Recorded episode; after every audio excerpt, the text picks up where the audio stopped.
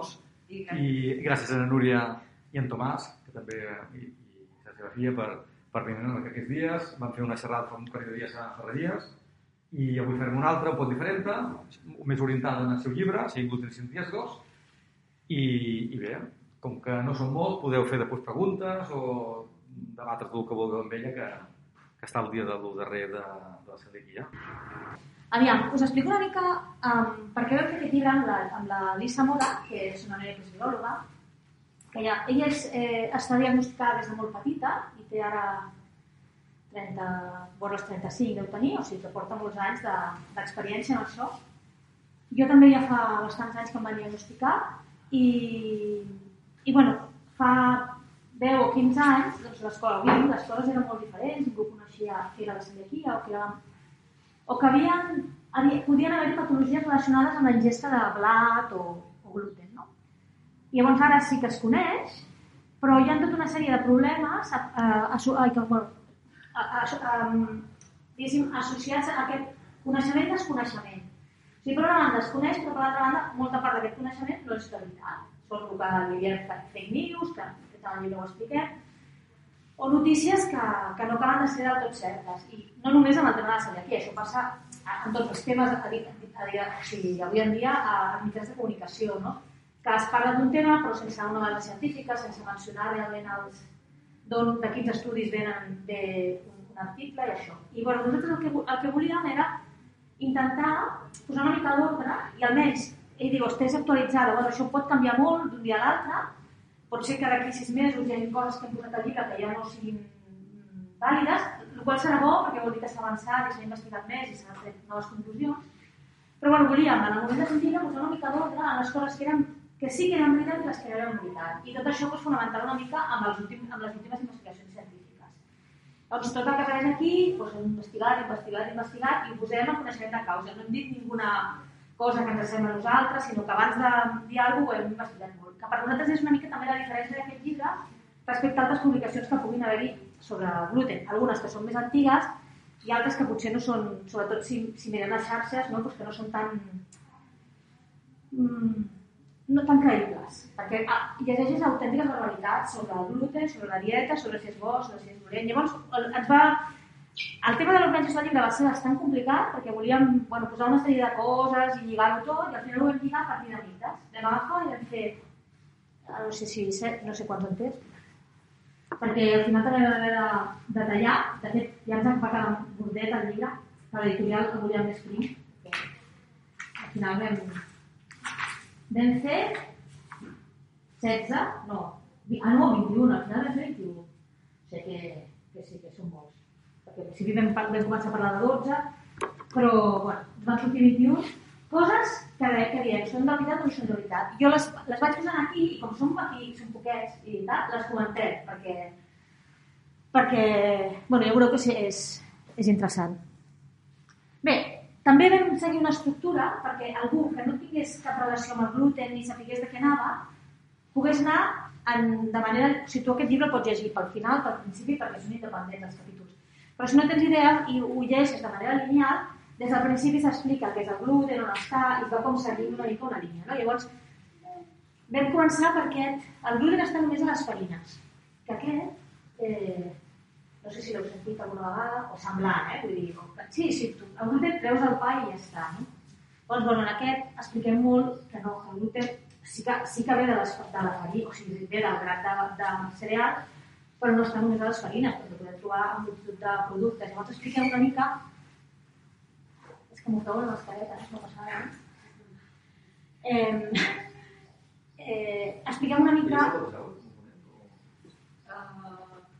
No, no és igual, no, no patiu, és que ah, me'l poso més cap aquí i així vaig fent això. Eh,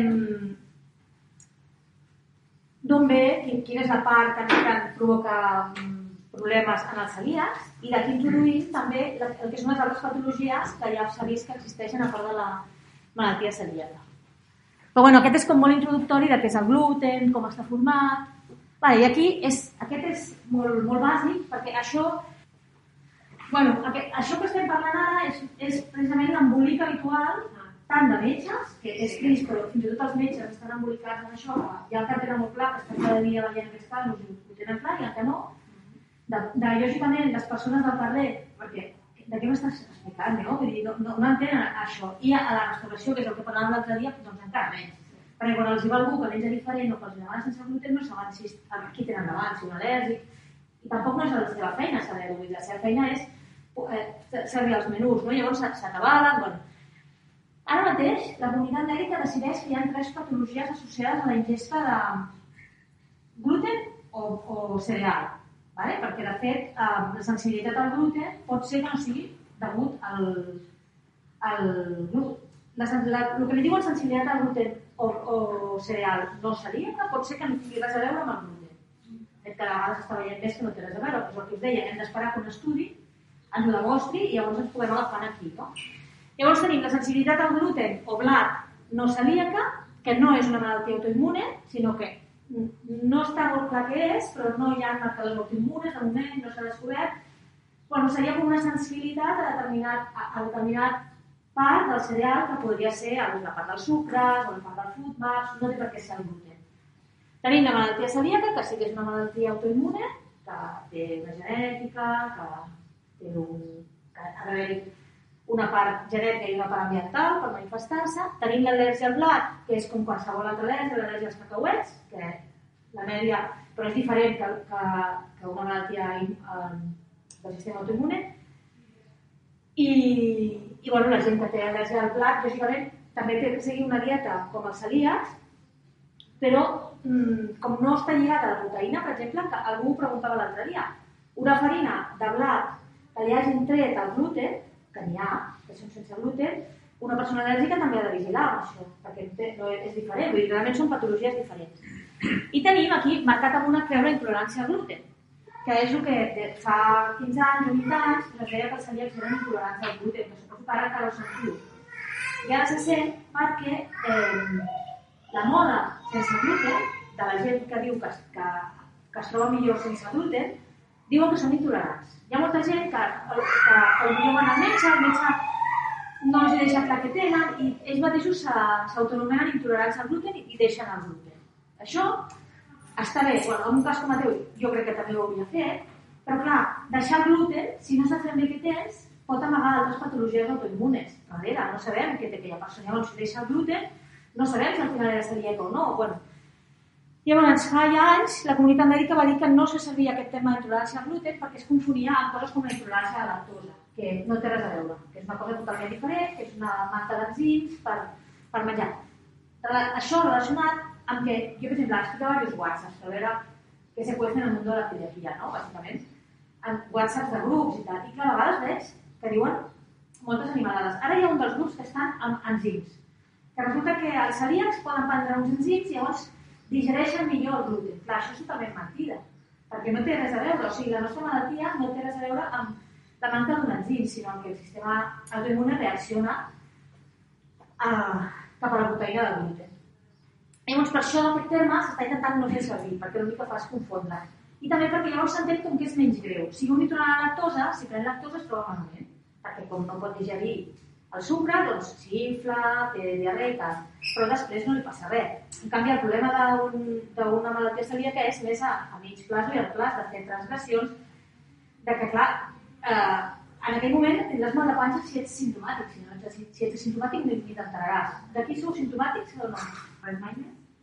Hi ha persones que no se n'adonen eh, quan es contaminen, persones simptomàtics. Vull dir, és que hi ha. Hi ha persones amb anticossos, sabia que amb anticossos negatius, i són celíaques, Clar, no sé, van trobar una lesió a l'intestí compatible amb celiaquia, encara que tinguessin els anticossos negatius, seria molt clara la lesió que et van trobar per decidir que era celíaca.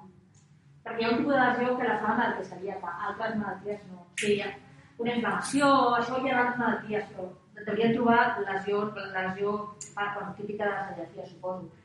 I després, que no tinguis EQ2 o EQ8 positiu, ara estan investigant molt precisament amb això de la genètica i han trobat altres al·lels i altres històries. Vull dir que segurament si et repetissin ara, eh, no sé quan, fa que ho van fer, a 5 anys, però segur que si t'ho repeteixen ara tota l'anàlisi la, genètic, et sortiria algun al·lel positiu. I estan veient ara gent que potser no té tot, tot el D2 o tot el D8, només és una part, això, en això també han avançat molt. Mira, quan a mi em van diagnosticar, fa molts anys, van fer-li l'analítica als meus pares i la metgessa em va dir, és que ets una cosa molt rara, diu, perquè el teu pare és negatiu, la teva mare és negativa, tu ets positiva, però ells dos tenen una poteta, per dir-ho d'alguna manera, no? de, de l'alel, però no són celíacs, diu, però tu sí perquè s'han ajuntat justament els dos, no?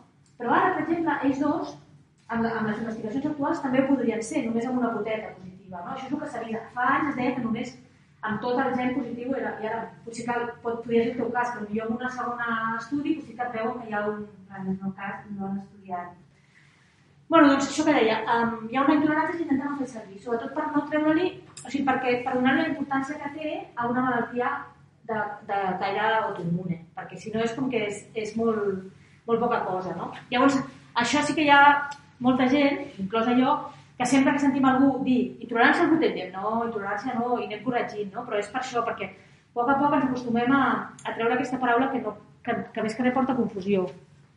Aquest seria una altra mita, és una mica el que us he explicat, que està explicat més, més a fons, que és això, el per què no és una intolerància no? i per què és una malaltia diferent que una intolerància. Uh, aquí una mica hi ha números de, de les diferents eh, de les diferents patologies. Però bueno, el que ens hem de quedar és que bàsicament n'hi ha tres i la intolerància no és res.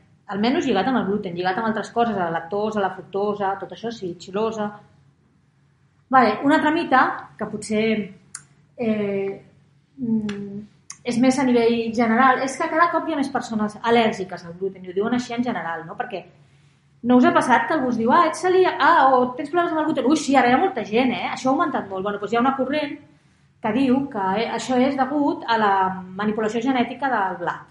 Vale? Sí que és veritat que amb els anys s'ha manipulat el, el blat perquè, perquè tingui més producció, pel tema d'intentar que arribi a tot arreu, a tot el món i tal, i bueno, aquest és un tema mm, particularment important per la Eli, vull dir que ell, ell, ella l'ha investigat molt i l'ha buscat molt, i la conclusió és que realment no ha augmentat el, el celíacs a causa de la manipulació genètica del blat, o almenys a dia d'avui no s'ha trobat cap estudi. Llavors, pot ser que hagi augmentat degut a, a l'augment de, o sigui, a la millora del diagnòstic, a la millora de protocols mèdics que han fet que hi hagi més diagnosticats Clar, quan jo era petita ningú sabia de què es parlava. Ara un nen a la que té panxa inflada, mal humor, diarrea, doncs el pediatre de seguida va buscar la celiaquia, no? Vull dir que s'ha millorat moltíssim en els, en els diagnòstics. Llavors, que cada cop hi hagi més a nivell ambiental, a nivell ambiental sí que diuen que hi ha més al·lèrgies i que els nens estan més al·lèrgics degut tant a la contaminació com, com a la neteja, no? a que són molt escrupulosos amb la neteja, per tant no estan en contacte amb tants bichos, llavors es tornen més al·lèrgics. Però dèiem que com l'al·lèrgia no té res a veure amb la, amb la celiaquia, doncs és que no. O sigui, tots estan així posats, però tots, tots són que no, eh? tots són mites. El, estan, diguéssim, formulats així en, en positiu, però són que no tots. Aquesta és una altra que, no sé si tu dius que ets sensible, si t'ha passat, però molta gent que és sensible al gluten, fins fa molt poquet li deien que eren coses de su cabeza, que això no existeix, la sensibilitat al gluten no és res. Ets celíac? Molt bé. Doncs pues no ets celíac? Pues res, no tens res, lo tuyo és de la cabeza. I no, vull dir, els metges s'han donat compte que hi ha un percentatge molt gran de la població que té problemes amb el gluten i que no són celíacs i que el gluten els hi senta malament. Llavors, bueno, ahir estan investigant què és aquesta sensibilitat al gluten, què és, però que saben segur ja i han decidit que sí, que existeix, però en plan que encara no saben exactament d'on surt el que us deia, si són el sucre, si què és, no? O és un conjunt de coses. Aquest, us han preguntat algun cop en un restaurant ets poc celíac o molt celíac o... Exacte, això et fa preocupar, perquè tu vas a un restaurant i et diuen ets molt celíac o poc celíac, perquè si ets molt ho tinc en compte. Jo no, i si... Jo no et quedes, clar, jo tampoc. Agafo i me'n vaig. Perquè, clar, si em faràs el menjar, depèn de si sóc poc o molt, mm, no em dones moltes garanties, no? Bé, doncs una altra cosa que volíem deixar molt clara és que no hi ha graus. Vull dir que, que no ets o molt o poc, que ets celíac i ja està. Una altra cosa és les teves manifestacions quan et contamines, no? que estàvem explicant. Que siguis molt exagerat, com jo, per exemple, que sóc exageradíssima, i aquí que es veu que també, no? Tu també ets molt exagerat.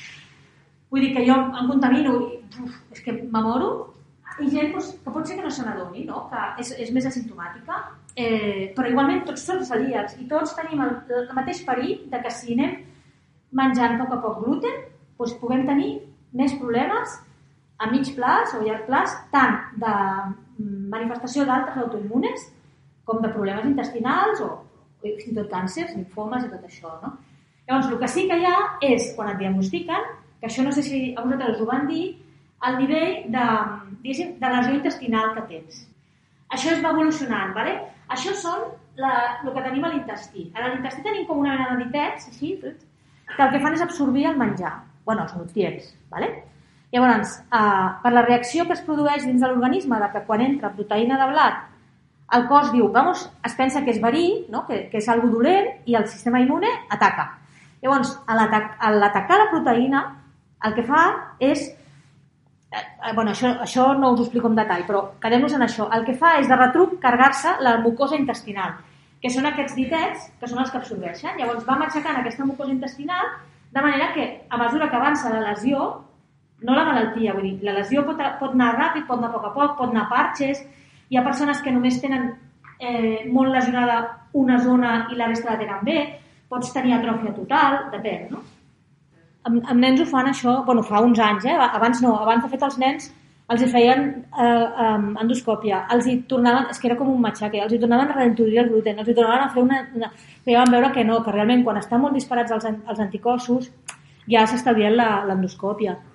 Una altra cosa és que potser tu quan siguis gran diguis, bueno, pues, mm, i més si sospites que has fet alguna transgressió o no has seguit la dieta correctament, doncs dir, mira, pues, que em facin un, un estudi sencer a veure si m'he tornat a lesionar l'intestí o així, però clar, és que és una prova que pels nens, pues, bueno, que si se la poden estalviar, se l'estalvien. Però bé, o sigui, ho van protocolitzar, eh? està en protocol això, que ja no, no cal fer-ho.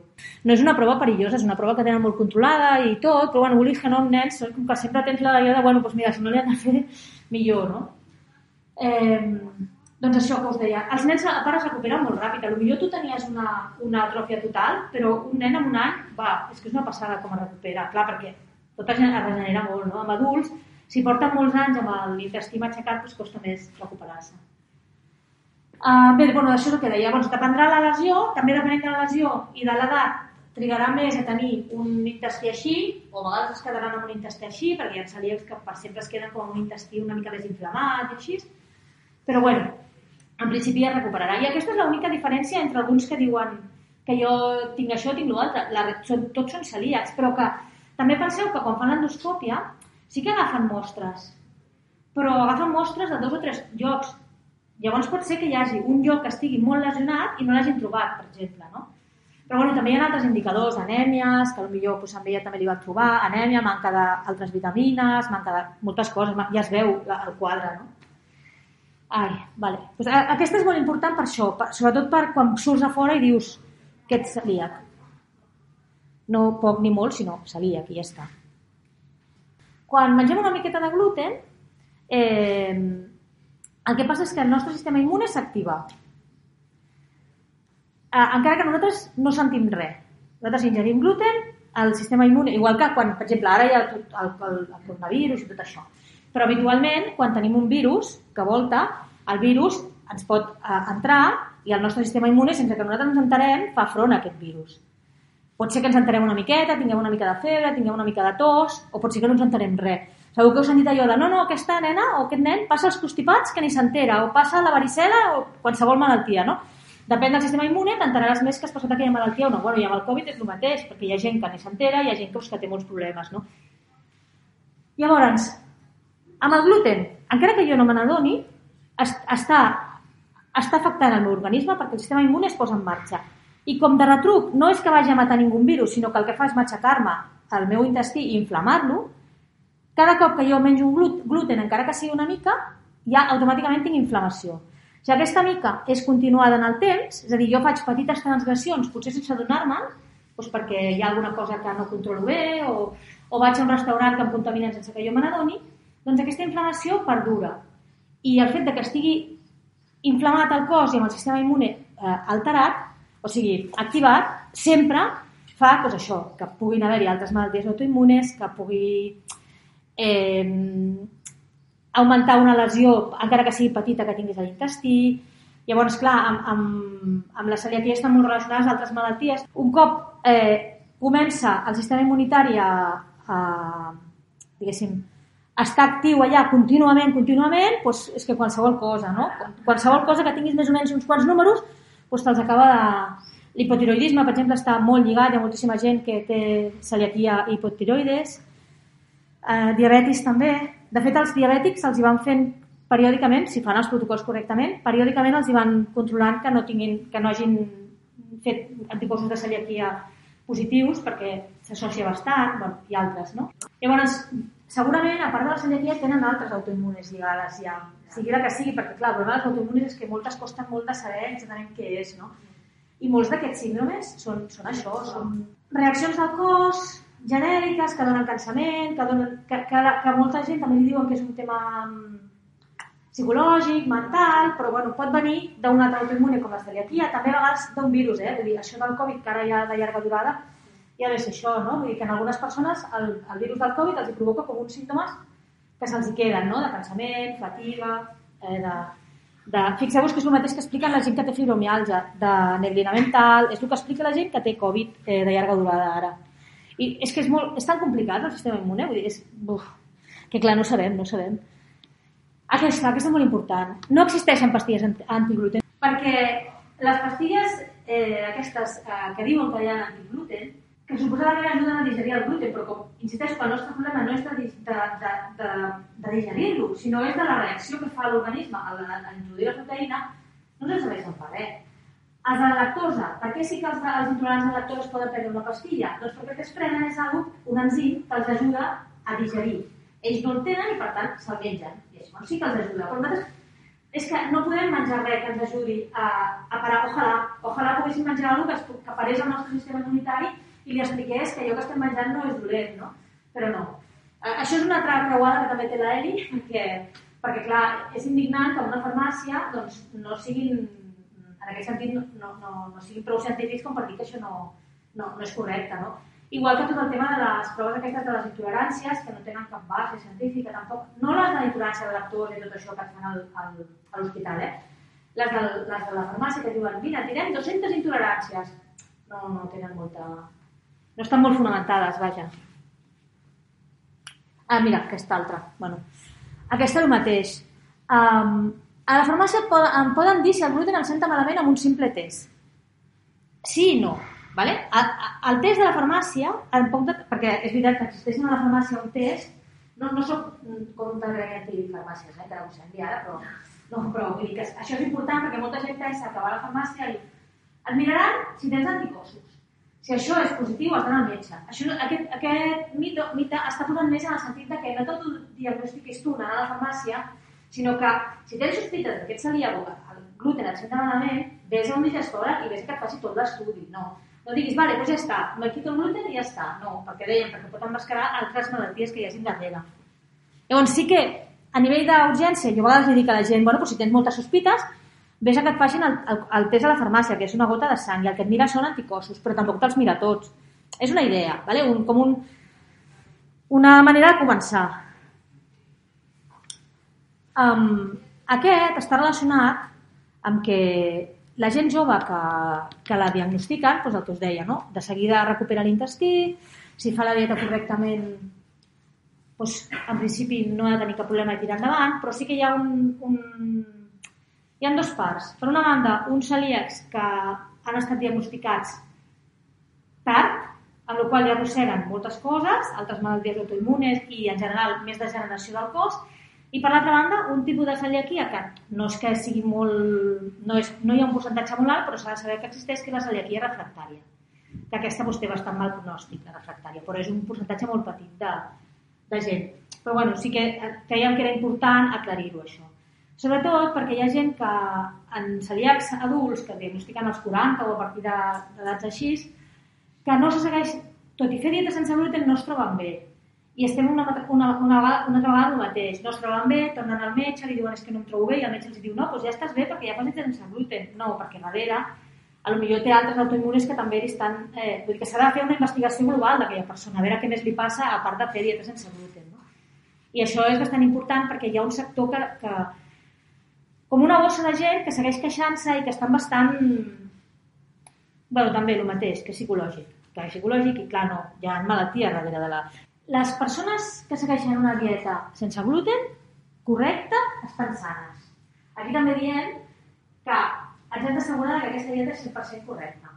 Perquè molt sovint, sense donar-nos compte, hi ha transgressions i més si I Llavors aquí també comentem aquest tema. És una mica, el titular és el mite, després a pues, comentem tot, no? Això també molt incís amb, amb, amb gent jove, no?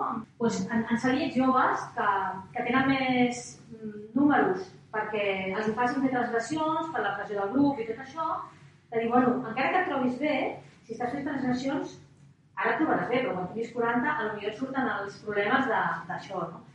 Llavors, eh, bueno, jo, sí, exacte, perquè dic, bueno, jo trobo, sí que és veritat que l'adolescència més es dona a vegades com una mena d'adormiment, no? De, no, no em trobo bé, menges una coqueta, et trobes bé, vinga, va, ja puc fer transgressions, no?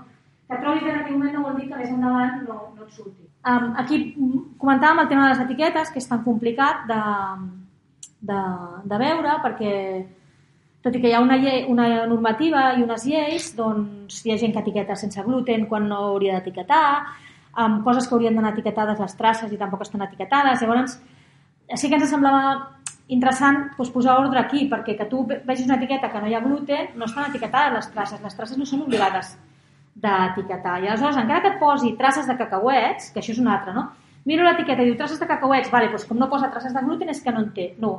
Simplement allò t'està indicant que l'empresa ha fet una, una, un anàlisi al sortir el producte de cacauets, doncs pel que sigui, perquè li ha interessat o pel que sigui.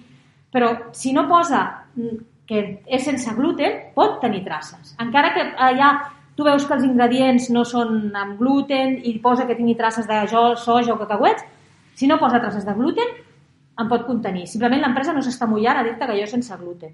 Llavors, hi ha determinades coses que se'n basen, per exemple, barrejades, com podien ser molt tema de dietètiques, d'aquestes marques de dietètiques que basen pues, eh, en basen blat i després en, en basen sarracer i en, en basen mijo i en basen llenties. I...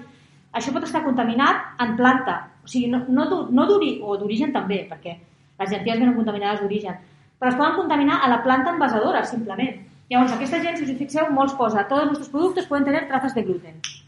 I es queden tan amples. Això ho heu vist o no? són aquests, clar, perquè no, ells no volen invertir en fer un anàlisi de cada lot que surt de cada producte per saber si té gluten. Però encara que no posi això de tots els productes que contenen traces de gluten, que jo a vegades prefereixo que posi això, si no posa específicament que no té gluten, pot tenir gluten. I això s'ha de tenir clar. Que sembla, en general, sembla que si no ho posa no n'hi ha, no? I hem de vigilar. També s'ha de tenir molt clar quins són els genèrics que no han d'estar etiquetats, com la llet, per exemple, o l'oli, o coses d'aquestes que no han d'estar etiquetades, mai portaran gluten. Llavors no cal que posis sense gluten i te pots fiar de la llet. Aquesta eh, sobre l'avena és perquè darrerament s'ha dit que els celíacs sí que podien menjar i no està clar. Llavors hi ha països que sí que han dit que sí, hi ha països que no, Mm, hi ha celíacs que estan reintroduint a poc a poc l'avena sense gluten, la que no estigui contaminada, és a dir, que està etiquetada sense gluten. bueno, doncs aquí parlem una mica de tota la història que està a l'avena, de com es fa als diferents països i una mica... Això sí que és que cadascú prengui la seva decisió. Jo, jo per exemple, no em menjo, perquè penso que, que alguna vegada que he provat precisament no em senta bé. Llavors, bueno, doncs cadascú decideix. Com no és ben bé de la mateixa no família... Avena etiquetada o avena en general? He provat, des de que va, va sortir tota aquesta corrent de que sí que podíem menjar avena, he provat avena etiquetada sense gluten. No. Als Estats Units hi ha molta avena etiquetada sense gluten. I llavors, bueno, cereals o així, no? I llavors he provat, no, a mi no. Però hi, hi ha gent que, bueno, també hi ha maneres d'introduir-la, que és tot el que expliquem, no? I com les pautes per anar-la introduint lentament, bueno, no sé, jo, bueno, doncs m'ho estalvio perquè no... Però això és... Teòricament podem menjar avena, teòricament, sempre i quan estigui etiquetada sense gluten, eh? Ai, això és el que us explicava abans de la manipulació genètica i de, i de la quantitat de celíacs que havia augmentat. La moda del gluten. Heu sentit algú dir això? Jo sí, eh? Jo... A tu t'ho han dit, això? Què t'han dit? Estàs estupenda, és perquè fas dieta sense gluten? Aviam, no hi ha cap estudi científic, de nou, que digui que menjar sense gluten t'aprimes. És més, si menges sense gluten i menges productes específics sense gluten, no només no t'aprimaràs, sinó que t'engreixaràs i tindràs pitjor, pitjor salut, perquè la quantitat d'additius i, i merda que porta el menjar sense gluten el que fa és que estiguis menjant pitjor. Va, si fas dieta sense gluten de fruita, verdura, peix, carn, llavors no. Aleshores estaràs estupendo, com estem tots els celíacs, estem estupendíssims, i perquè fem dieta sense gluten. Aviam, tot això de les modes de, de, que el sense gluten a prima ve de, doncs d'Estats de, Units, de dos o tres actrius o celebrities que van dir que ells, elles feien una dieta sense gluten i estaven estupendíssimes, i, i, i a partir d'aquí, bueno, doncs, com tot s'infla, doncs va començar aquesta moda no? de, que, de que menjar sense gluten era molt millor i tal. Aviam, potser la gent que ha començat una dieta sense gluten no és tant pel gluten en si, sinó perquè ha deixat de menjar pizzas, ha deixat de menjar pasta, ha deixat de menjar dònuts, ha deixat de menjar magdalenes, si no les menja gluten, clar. Vull dir, simplement que ha passat d'una dieta de productes millor processats a una dieta més sana, de fruites i verdures. Llavors, clar que s'ha primat i clar que ha millorat la seva salut. Però el gluten és que el gluten, si no tens cap de les tres patologies que hem comentat, és que no et fa res. Vull dir, és una proteïna, com una altra. Vull dir, ja està, no té ni pena ni glòria, això ho diem al llibre. És que no és... Bueno, doncs te la menges i ja està. No és que no sigui recomanat... No, no deixis el gluten per res, no, fes el que et doni la gana, no?, amb la teva vida. Si vols menjar gluten, menja gluten, i si no vols menjar-lo, no el mengis. Tampoc et passarà res per no menjar-lo. Mm, diguéssim que la part que perdem nosaltres, el no menjar el gluten és, és la, no tant el gluten, sinó els cereals que deixem de menjar, que són rics en, en altres eh, mm, eh, nutrients, això mateix, no em sortia la paraula, que són rics en altres nutrients. No? Llavors, això és una mica el que nosaltres perdem i per això hem de suplementar doncs, menjant eh, altres, eh, altres productes, doncs, a, a o quinoa, o llegums, o, vull dir que hem de mirar-ho això. No? Però bueno, a part de, de perdre't una mica això, no et passarà res tant si menges com si no. Llavors, tot aquest boom de la dieta prima, juntament en què el gluten és dolent i si l'animem de, nostra, de la nostra dieta millorarem la nostra salut, que és el següent, que estan lligats, que són aquestes corrents que tot va venir, de fet, d'un parell de llibres, bueno, de les celebrities, i d'un parell de llibres eh, americans que es, de, que es diuen Welly Wet, i l'altre com es diu? Bueno, està per aquí, ara no recordo, però... Cerebro de pan. Cerebro de pan, i l'altre és barriga... És que no sé com està traduït en, cerebro de pan Vale, pues un es el cerebro de pan y la otra es eh, barriga de gluten. Cero cero gluten. ¿Cómo sobrevivir sin probar ni una pizca de gluten?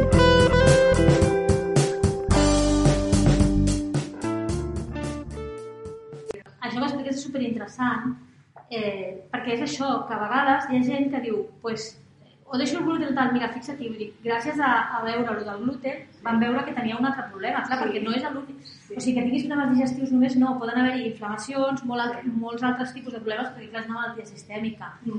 Sí, I, clar, potser tens coses que no, no t'imaginaries mai que estan relacionades, no? I, sí, sí, super, això és superinteressant, ah. aquest cas. Bueno, es diu cintriogràfies, ah. no me'n recordava ara, ¿vale? Passa que ells, no sé, és barriga celíaca, però ho han traduït cintriogràfies. Bueno, són aquests dos. Hi ha el cerebro de pan, que diu ella, són els dos llibres que, a més a més, eren metges, bueno, són metges aquests, vull dir que tenen una certa credibilitat, i llavors, no és que diguin coses que no siguin, és que engloben el gluten dins del que serien els cereals. O sigui, quan ells parlen de cereals processats, diuen gluten. Llavors, és el que ha, ha creat aquesta confusió. D'alguna manera, ells tenen raó en que no s'ha de menjar tant cereal i tant sucre en, en, o sigui, en la piràmide alimentària clàssica que els cereals estan a baix, no? una mica el que diuen és no cal menjar tants cereals, sinó que s'ha de menjar verdura i la fibra també pot venir d'altres llocs. Mm, però clar, com, com que és que diuen com si tot fos el gluten, que cereal o, equivale, o, o equiparen a gluten, doncs aquí ve el, el, el problema, no? Llavors, vale, mm, no cal que deixis de menjar cereals. Potser no mengis tants, i més a més si eren processats i era, era tot amb altres additius, no? Però, però bueno, tot això ha fet doncs, que, clar, que molta gent que, que ha començat a menjar i ha dit, oh, si a mi va molt millor, pues clar, I a part també un altre tema, clar, si tu et trobes malament o no estàs bé i penses que una dieta deixant el gluten pues et posaràs molt bé perquè t'aprimaràs i tot, doncs, bueno, per què no proves, no? Això és la dieta sense gluten, la, la, com ha evolucionat les cerques de dieta sense gluten en els últims anys. Dieta sense gluten, eh? I això és com ha evolucionat la malaltia celíaca, que més o menys s'ha mantingut en, en una línia igual, perquè sí que hi ha més diagnòstics, bueno, hi ha algun pic, potser, però Però clar, no, el que li interessa no és la malaltia, no és, no és gent que té malaltia la que ha anat a buscar el gluten, és gent que li interessa la dieta sense gluten. Clar, tot això, doncs, no, no, he posat aquesta marca com podria haver posat una altra, eh? no, no és que tingui especial mania en aquesta marca. Però vull, tot això és molt processat, lògicament. Ha de portar molts additius, ha de portar moltes coses perquè, perquè sigui bo, perquè es conservi. Clar, tot això és... és... Vamos, que aprimar-ho no ens ajuda. I el del rendiment esportiu, això eh, em va interessar molt a mi investigar-ho perquè sí que és veritat que hi havia eh, esportistes, com el Djokovic i així, que deien que havien millorat molt el seu rendiment esportiu. I això és una cosa que jo vaig investigar. Vull dir, bueno, he de buscar alguna que em justifiqui que és veritat. I no. Clar, per una banda això, per una banda, si tu ets celíac i, deixa, i, i millores la teva salut perquè deixes de menjar gluten, milloraràs el rendiment... Ai, no, no és aquesta. Milloraràs el rendiment esportiu. Però si no ets celíac, per què millores el rendiment esportiu? Llavors, bueno, analitzant totes les variables que intervenen en un entrenament, eh, aspectes de, de lo que dèiem, d'eliminar altres coses de la teva dieta que potser et perjudiquen i no t'aporten els nutrients necessaris, no? d'equilibrar tot això, d'equilibrar el, el rendiment amb la dieta. Després, el, el teu entrenador que també doncs, que hagi canviat la, la manera de fer-ho, eh, inclús eh, suport psicològic.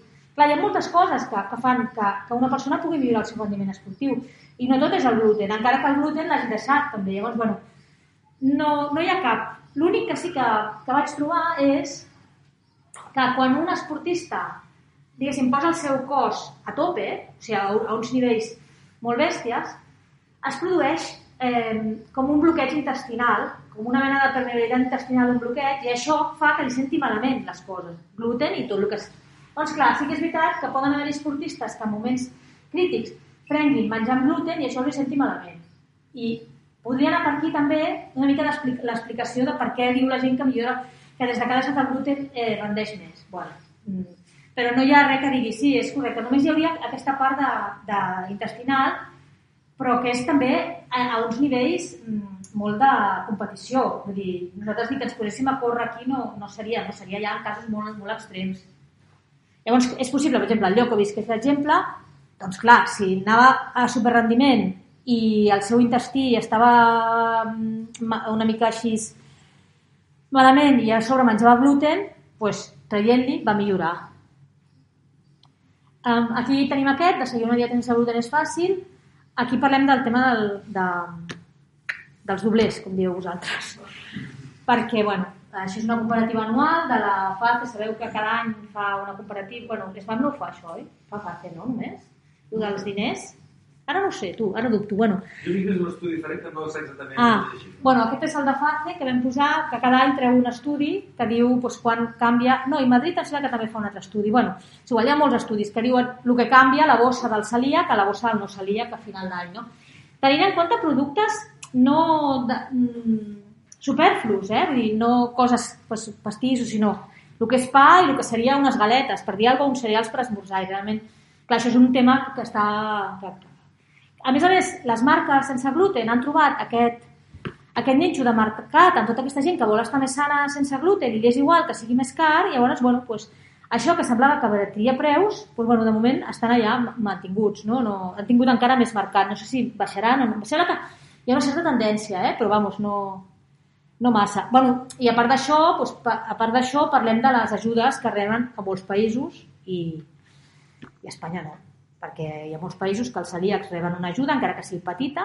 Vull dir, a França, per exemple, que és com és l'anti- l'antipaís pels celíacs, no? que és, és horrorós França perquè ningú passa tothom de tot i, i gluten què? No, no, tenen, no saben mai ni t'ajuden ni res, però per contra tu reps una, una, una mica de, de subvenció, no? i a Itàlia que és molt, molt més elevada, o bueno, que, i aquí no, doncs no, no rebem cap subvenció, i és un, és un tema que, es, que es, jo crec que va, també d'aquí poc s'aconseguirà alguna cosa, perquè s'està treballant molt també, però bueno, això és important. I aquí comencen aspectes psicològics. De seguir una dieta sense gluten és fàcil? Doncs pues no, no és fàcil, perquè a casa teva fas el que et dona la gana i és fàcil, però quan surts a fora a menjar no és fàcil i tots vosaltres ja ho sabeu. Doncs aquí parlem molt d'això, no? I això ho parlem des d'un punt de vista de dir, bueno, que els altres ens entenguin que, perquè diem que no és fàcil i tot, i, i tot, i tot el que ens passa quan sortim de casa, no? I, bueno, i expliquem unes historietes de que salgo, entonces está cerrado, bueno, una mica per, per fer l'exemple, no? Perquè també aquest llibre el que volíem és que eh, si jo soc celíac i, i veig que em passa això, que estic explicant aquí, vaig a no sé qui, que no s'ho mira, mira el que posa aquest llibre, vale? volem que serveixi per això, perquè la gent s'empoderi d'alguna manera, no? I digui, mira, aquí hi ha un llibre que explica el que jo et dic cada dia i tu no et creus. Uh, això és el que parlàvem l'altre dia. La majoria dels restaurants ofereixen opcions sense gluten segures. Mentira. Perquè sí que pot ser que hi hagi cada vegada més restaurants que ofereixin eh, menús o coses o alternatives sense gluten. Però això no vol dir que els puguem menjar nosaltres. Vol dir que la gent que menja sense gluten, perquè vol, pot menjar-ho, però no estan accents ni de traces, ni de contaminació creuada, ni, ni, ni realment són aptes per celíacs. Um, aquests són els simbolers, teòricament nosaltres ens hauríem de refiar de, dels llocs que estan certificats, que també aquí expliquem no? què són les certificacions, qui les fa, per què són interessants i, i per què hauríem d'intentar anar a llocs certificats. Però per això per mi em sembla tan important el projecte que s'està fent aquí a Menorca de ferreria sense gluten, perquè clar, és, és la manera de, ja per nosaltres facilitar-nos la vida, però també perquè la gent vegi que necessitem tota una sèrie de garanties que habitualment no tenim i que realment menjar sense gluten és a un lloc que té unes garanties i que està certificat i no qualsevol carta que posi no sé què sense gluten eh, i podem anar nosaltres, no? Eh, bueno, aquí també expliquem com, quins són els... Que, que, el que deia ahir de la certificació, que, que ara us explica, bueno, que després us explica, doncs una mica què és totes les coses que tens que contemplar en un restaurant, que normalment no tenim en compte i tot això. I aquí tot el que és fora dels restaurants, a casa d'uns amics, a casa de no sé qui, no? pues que també no és tan fàcil, perquè quan no, però vine, que et faré no sé què, i tu dius, ai, mare de Déu, res esclata per a nostres. Llavors, quan arribes allà, t'han preparat un pastís boníssim, i mira, i li he posat, he anat al Mercadona, he comprat farina d'arròs, eh, ous, ous pots, sí, sí. mantega, he comprat una de nova que no està contaminada, això pots, oi? Sí, sí, sí, sí. I et van dir tot el que posa el pastís, tu vas dir, sí, sí, sí, que puc, sí, que puc. I agafes el pastís, i al anar a menjar un tros, l'olores, i dius, ai, olor a canyella. Sí, sí, també li he posat canyella. Ah, ja has mirat que posa sense gluten? Cachis. No he mirat que sigui sense gluten. No? I això és una cosa habitual que passa. Llavors, clar, tampoc no cal... És que vas allà a casa d'un amic que els fas un interrogatori que sembla que estiguis allà, bueno, saps? També se't creu a vegades, no? I bueno, també parlem d'això, no? De, de fins on vols arribar o no vols arribar o, o també d'aspectes psicològics de, de que al final hi ha gent que pensa que què t'estàs passant no? i com, com intentar fer-los entendre que no. Això està aquí, però és, és a, el dels restaurants. Lo de, la, és, la, és una llei europea que diu com el, els, els espais públics que ofereixen menjar, no només restaurants, sinó han d'estar, um, han d'acreditar tot això en, en origen. És a dir, un plat que surti de peix m'ha de dir què porta aquell. M'ha de dir si aquell plat porta qualsevol d'aquestes coses, si té gluten, crustacis, ous, tal, tal, tal. Vale? Llavors jo, n'heu vist de cartes d'aquestes amb simbolitos, segur que n'heu vist.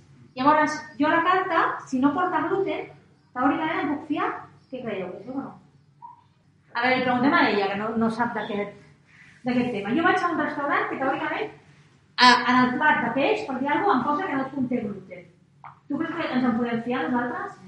No. Si no està, si no està certificat al restaurant, eh?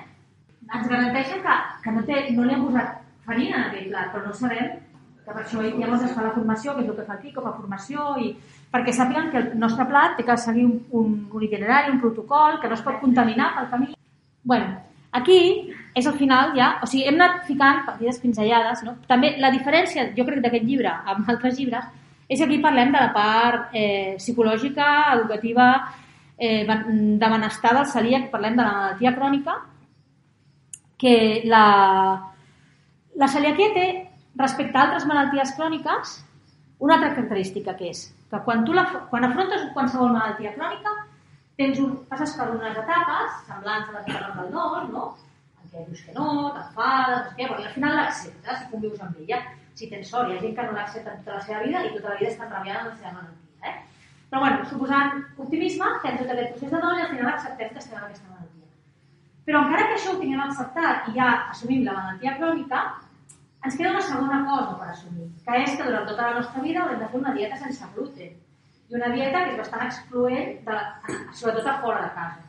Llavors és com un do, una doble acceptació de, de la malaltia, no? Vale, si estem malalts, però si no ens hem trobat malament, si no hem tingut masses problemes, doncs, bueno, dius, doncs una dieta, doncs ja està. Vale? Però després afrontar la dieta és una segona part. I, bueno, i parlem una mica d'aquí, no? De, dels aspectes psicològics, de, de, de, dels mecanismes d'afrontament de, la, de les persones i, i perquè hi ha celíacs que a vegades els veiem i pensem mmm, mal, ho estàs fent molt malament perquè negues tu mateix les, gent, gent que fa transgressions, gent que menja gluten de vegades, eh, clar, tenim tot tipus de, de realitats no? en, en els celíacs i llavors bueno, doncs una mica expliqueu això també perquè els entenguem, perquè si entenem per què l'altra persona fa això, és quan també una mica el podem ajudar, no? Inclús que siguin celíacs que, que dius, no, no ho facis, no. Celíacs aquests que treuen el pa i es mengen el de dins, que no sé si en coneixeu algun, jo sí, conec. Eh, i, i, I sobretot també per desmentir aquest, aquest mite de que els celíacs són uns maniàtics i uns, exagerats, de que quan vas a un restaurant i dius, sí, però com has fet les patates? Les has fet amb un oli apagat? O tal? I et miren així com dient, bueno, ja m'ha vingut la pesada de turno d'avui que encara no havia vingut, no? No, és important de les patates, perquè clar, ens podem contaminar, no? Llavors, doncs, no som maniàtics ni som exagerats, simplement estem cuidant la nostra salut o la salut dels nostres fills. Aquest seria també el capítol aquest que vam fer pensant en que jo poder fer el capítol i ensenyar-li a la meva tia, al meu cosí o a no sé qui, que no es creu que jo he de tenir tantes precaucions, però dir, mira, mira, mira el que diu aquí de com tens que preparar les coses quan vingui a casa teva i que és veritat el que t'estic dient jo i no sóc un exagerat que ho diuen aquí en aquest llibre. bueno, doncs això. I final... Quan, quan una família o un membre se li diagnostica celiac, com prepararies els altres de la família, el celiac consort, els fills, o el... què els diries per, per començar i per ajudar aquesta persona des del principi? Perquè després crea fills conflictes o gent que vol seguir menjant gluten i després hi ha traces... O... Depèn de la, la família, quanta gent sigui, qui són els, i qui són els que són, Clar, fills, si són els nens, els adults. Jo m'he trobat amb pares o mares que ho són només i els nens no ho són i uf, tenen molts problemes a casa, perquè clar, és, és difícil que els nens eh, si segueixen menjant gluten, encara que no vulguin, eh, ho fan sense voler. Llavors, gent que, que, que, que, que manté, diguéssim, la, les transgressions, però no voluntàriament, sinó perquè que casa seva no, no està neta. No? Jo d'entrada penso que formar i informar hi ha moltíssims materials, totes les associacions és casa nens, tenen moltes materials, mm, la del Singlo que parlava, bueno, és que hi ha moltíssims materials molt xulos a totes les associacions, fent una volta per internet se'n troben molts, per explicar als nens què és això, però sobretot explicar el que jo us he explicat de, de què passa quan mengem gluten i que els nens entenguin el que ens està passant i que cada vegada que mengen gluten allò ens tornarà passant, encara que aparentment la mama o el papa estiguin bé, doncs si mengen gluten no els pot passar. I llavors, un cop has fet informació, formació i tot això, si hi ha alguna mena de... algun membre de, de la família està com una mica que bloquejat, que no, que no ho entén, jo penso aquí cal ajuda. Cal ajuda o de l'associació o, o, de, o ajuda externa d'on sigui, però cal ajuda, perquè això no deixarà de ser un problema que s'anirà agreujant, agreujant, agreujant. És que el que parlàvem l'altre dia, jo soc, soc simptomàtica i ho passo fatal, però penso, que és pitjor ser asimptomàtic.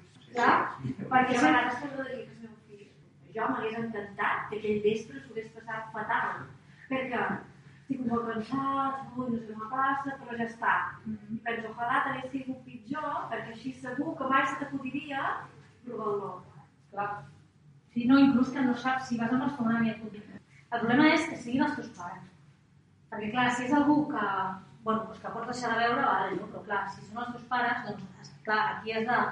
Jo, de veritat que hi ha parts del llibre que les vaig fer amb aquesta idea. Te l'agafes i te llegeixes i els hi portes, mira, que diu això. I llegeixes la part de, que diu de, de que els celíacs es troben bé si fan dieta, aquella allà recull tot el que li pot passar a un celíac si transgredeix, encara que sigui de tant en tant, i, i, bueno, i aquesta part de, que no soc una maniàtica ni res, i, i jo crec que aquí està explicat bastant, vull dir que està explicada per què no som maniàtics i per què no som exagerats, no? i els sistemes d'afrontament. Escolta, potser et serveix de recurs, saps? De dir, bueno, no ho dic jo, saps? Ho, ho diuen estudis científics que, no sé, a la bibliografia tenim tots els estudis que hem mirat, o sigui, també podeu anar amb l'estudi sota el braç i ensenyar, però aquest estudi que. Clar, perquè no pot ser que tu et sentis malament per anar a casa seva i que posis en risc la teva salut, clar que al final també hem d'intentar nosaltres eh, fer-nos una mica forts en això, no? de que, que és, el que et passa a tu és, és normal i quan et diuen d'anar a algun lloc, clar, no vols eh, sempre ser el, el, el, el disruptor del, del grup, no? Bueno, va, anem allà, tal, però tu realment ja estàs patint tota l'estona, no? I, I no pot ser que tu estiguis patint. perquè de fet el celíac li tenim prou ansietat habitualment pel menjar, no? per, per, pel fet de, de sempre estar controlant, sempre tenim que anar amb la logística de que si porta, vas de viatge amb la maleta, sobretot, saps? Vull dir que doncs, doncs, hem d'intentar que tenir el, la mínima quantitat de fonts d'estrès possibles, no? Anar treballant, clar, i arriba un moment que, bueno, si no és possible de cap de les maneres, doncs potser també pots anar i cuinar tu, no ho sé, si et deixaria, eh? Jo estic dient idees, eh? Potser dir, bueno, doncs mira, cuino jo, que, que a vegades... Jo he arribat a cuinar jo per, per 8 persones, que casa meva, tu allà, i arribar allà, anar a fer la volta, i arribar i que cuiner estigui, estigui tocant. Sí, sí, és que... I és la puta És brutal. Però clar, mm, anar, anar, bueno, és que és a poc a poc, anar, anar mandant, sí, sí, però és que és impossible, si no... Sí, hi ha algunes associacions també que han fet algun... Jo, jo vull fer un dia, si tinc temps, igual aquest estiu, si, si tinc temps, faig alguna, perquè penso que és interessant que tinguem material per això, per anar a la gent que no té per què saber-ho, perquè bueno, doncs no, no viuen cada dia amb el nostre, i per dir-li, mira, mireu això i, i, i, i prepareu, però d'aquests de què has de fer quan ve a casa celíac, d'això n'hi ha, eh, materials, perquè jo n'he vist diverses Però per escoles, eh, menjars escolars... Com els menjars escolars, només per, per, per això, no? Si vas a casa no sé qui, mira, estudia tot això. Que això no treu que l'exemple que us posava jo de la, del pastís i la... la, la canyella, és que, clar, és que és molt complicat si no estàs cada dia. Això em va passar a mi amb un amic que és molt amic meu i no s'ho va prendre gens malament, al revés, ho va passar fatal perquè, perquè es va veure que no podia menjar pastís, no? I sempre m'ho repeteix, pobre. Però clar, si això vas amb una cosa més de compromís, és el que tu dius, hosti, i ara no menjaré aquest pastís per la canyella? Clar, i volies que no, el coco, doncs li dona voltes, no? I... bueno, doncs això parlem una mica de tot aquest tema, que normalment doncs, no es té en compte i, i penso, jo penso que els celíacs, sobretot al principi del diagnòstic, necessiten un acompanyament del metge, de, per sort, cada vegada més ja tenen un acompanyament mèdic, però cada dia que els diuen tu ets celíac, eh, que vés a l'associació i espavila, saps? I clar, i no, ha de tenir un acompanyament del metge, si cal eh, per part d'un psicòleg o, o per part d'un terapeuta, de qui sigui, que l'acompanya en, aquest, en aquest procés inicial, no? i sobretot a nivell social. Perquè, és clar, és que a nivell social, si vas pel carrer i veus pastisseries que oloren molt bé, doncs encara que no t'agradin els dolços, aquella olor, mmm, que bo, jo no puc provar això, no? Encara que en aquell moment tampoc tingués... Però tot això ens va creant inputs que ens va crear com petites frustracions, o aviam, ella, que és jove. A tu et passa això de que a vegades no puguis menjar el que vols? I què, i què fas? Allà, explica'm tu. Ho ensum. Ho ensum. Sí, jo també a vegades ensum i mmm, que bé colora. Però et passa a vegades que t'enrabies una mica quan no pots menjar alguna cosa, no? Sí, però ja estic acostumada. Estàs acostumada. Però el que estiguem acostumats no vol dir que no ens enrabiem. Llavors, el que hem de fer és, quan ens agafa pues això, frustració o ràbia, el que hem de fer és canalitzar-la d'alguna manera, no acumular-la, perquè si no és el pot que es va complint, omplint, omplint, omplint, omplint. Hem d'intentar tenir eines per gestionar tot això. Quan saber que a mi passar per aquí, no sé què, m'ha creat frustració, m'he enfadat, vale, doncs què faig jo, no? He de fer alguna cosa per, gestionar-lo, això. Bueno, a mi que em semblava una cosa molt important, això. I això vull, jo vull seguir crear materials d'aquest tipus, perquè d'aquests jo no en veig. Bueno, sí que hi ha alguna coseta, però poca. I finalment l'última, que aquesta ja és, aquest és molt curtet, que parla de quan ens diuen ah, però només et seria. Ah, això no és res, hi ha coses pitjors. Claro, claro que hi ha coses pitjors, hi ha gent que es mor de càncer, però és que sense lia no m'eximeix per tota la meva vida de no tenir un càncer o de tenir una altra malaltia. I més això us deia, si ets d'una determinada edat i tens altres patologies associades a la celiaquia. Llavors, això que a vegades la gent t'ho diu per animar-te i que no t'anima, sinó que al revés, et deixes allà... Saps? Doncs mira que ella està pitjor que tu, ja, però bueno, intenta entendre, no?, el que tinc jo. Doncs bueno, per una banda parlem d'això i per altra parlem de la identitat com a celíacs. Si mireu la xarxa, no sé si teniu Instagram i tot això, hi ha molta gent que es defineix com a celíac a la xarxa. I això és tota la seva vida, no? Ser celíac, o mare de celíac, o no sé si coneixeu algú, o, o, o, o no, vosaltres mateixos teniu posat així, no ho sé, però Llavors, jo una mica el que dic és la celiaquia és una part de la teva identitat. Clar, si a més a més treballes en això i, i tal, doncs com ell o així, doncs més. Evidentment forma més part de la teva vida. Però no deixa de ser un aspecte de la teva vida i ja està. Llavors, sí que és veritat que aquesta identitat, quan et seus a taula, doncs ahí està. Perquè la gent et diu, tu per què no pots menjar gluten? I què et passa quan menges gluten? I quan apartes el pa? I per què apartes el pa? Vols dir que no és exagerat traient el pa d'aquí? Llavors has de començar a explicar-li tota la història. Sí, correcte, quan sentes a la taula tens aquesta identitat. Però la resta del teu temps, no. Llavors el que és important és saber diferenciar això, perquè si no portem una càrrega com molt, com molt pesada, no? Aquesta de, sempre som celíacs, no? Bueno, és una part de la nostra identitat, lògicament tenim aquesta malaltia, i ja està, però bueno, saps? Llavors, bueno, entre, entre mm, no dir, bueno, no és qualsevol cosa, no? S'ha de tenir en compte el que és, s'ha de seguir una dieta estricta, i s'ha de ser conscient que si no fem bé la dieta podem tenir problemes, però que hi ha altres coses, i que no hem d'estar... Vull dir que a vegades, eh, si això ens, ens estressa molt o ens, ens provoca molt malestar, hem de saber trobar altres coses mm, i que el menjar passi en un segon pla, no? Perquè, per exemple, jo sé gent que no va de viatge per el drama del gluten, llavors, home, no, doncs tampoc és això, no? Vull dir, adapta el, te el teu viatge o adapta la teva vida, però no deixis de fer coses perquè et celíac, no? Vull dir, perquè és una petita part, men- ja sé que es menja tres cops al dia, ja ho sé, però ja, de com gestionar totes aquestes coses, no? Que... I aquest també està fet perquè els llegeixin els altres, a les pares, les mares, els marits, les dones, els nens, els celíacs, que vegin el que, el que, el que trobem en el dia a dia. I bueno, i una mica ja us he explicat tot això, si voleu ara, vols explicar tu el teu? Sí, ho explico ràpidament, sí. Bé, ja sabeu que la- l'associació certifica restaurants amb l'acreditació gluten. Si mireu eh, en el diari, surten restaurants que s'anuncien sense gluten, però no estan acreditats. Igual hi ha uns 30, mínim, 30 a Menorca que diuen que fan menjar sense gluten. Acreditats en tenim 5 i en Lluís Febrer 6. Dels que diuen que ho fan, ho poden fer bé o malament, però no ho sabem. És com si el teu fill diu que en cotxe, eh, té 12 anys, la sang en cotxe, però no té un carnet. No estem segurs que pugui, pugui anar en cotxe. I de fet, no li deixen. Fins als de 8 tenir carnet. Els restaurants sí que els deixen tenir el carnet des del principi. Nosaltres oferim als que volen fer l'acreditació. Si sabem que un puesto ho fa bé, van al Leo s'ho troba bé, va jo me trobo bé, Janat, li direm, escolta, voldries acreditar. I n'hi ha que s'interessen i que ho volen fer. A vegades ho volen fer per, per empatia, ho volen fer per, per temes econòmics, perquè ja té més tiró, etc. Però bé, quan volen acreditar, i això també enllaça amb el de Ferreria sense gluten, eh, han de fer un petit procés, que comença amb una formació per tot el personal. Tot el personal ha de fer una formació que és online, són 4 hores, donen una clau i una contrasenya, poden fer una formació que són 4 hores. I al final fan un petit test i te donen un titular. I tothom del restaurant pot tenir aquest titular. Perquè, clar, si una persona no ho té clar, i el pot cagar. Si és cambrer ja gira els plats o quan ha de servir du pa i que du a tu se la pizza sense gluten, te pot contaminar tot. O sigui, tothom des de la cuina fins al final, inclús la gent que seu a menjar amb tu, ha d'alerta per, per no contaminar el teu plat. Si, per exemple, ja ho sap, però si sap, està menjant amb jo, sap que no vol posar sense forquilla en teu plat, a menys que mengi sense gluten igual que jo, que a vegades també ho fa. I els restaurants, a Ferreries, com que tenim aquest projecte de conveni amb l'Ajuntament, la formació és gratuïta. Els altres no és gratuïta, s'han de fer socis de, de l'associació que val 70 euros a l'any, una fortuna. 70 euros a l'any per, i poden acreditar a tot el personal. I si volen que ve, es donen de baixa. O sigui, per 70 euros poden fer formació tot el personal. I com que hi ha molta rotació, mm, també va haver un restaurant que té eh, aquesta possibilitat que cada any tenen dues o tres persones noves, poden fer formació i ja no els han de formar ells mateixos, perquè ja, ja estan un poc eh, al dia de, de, de procediments.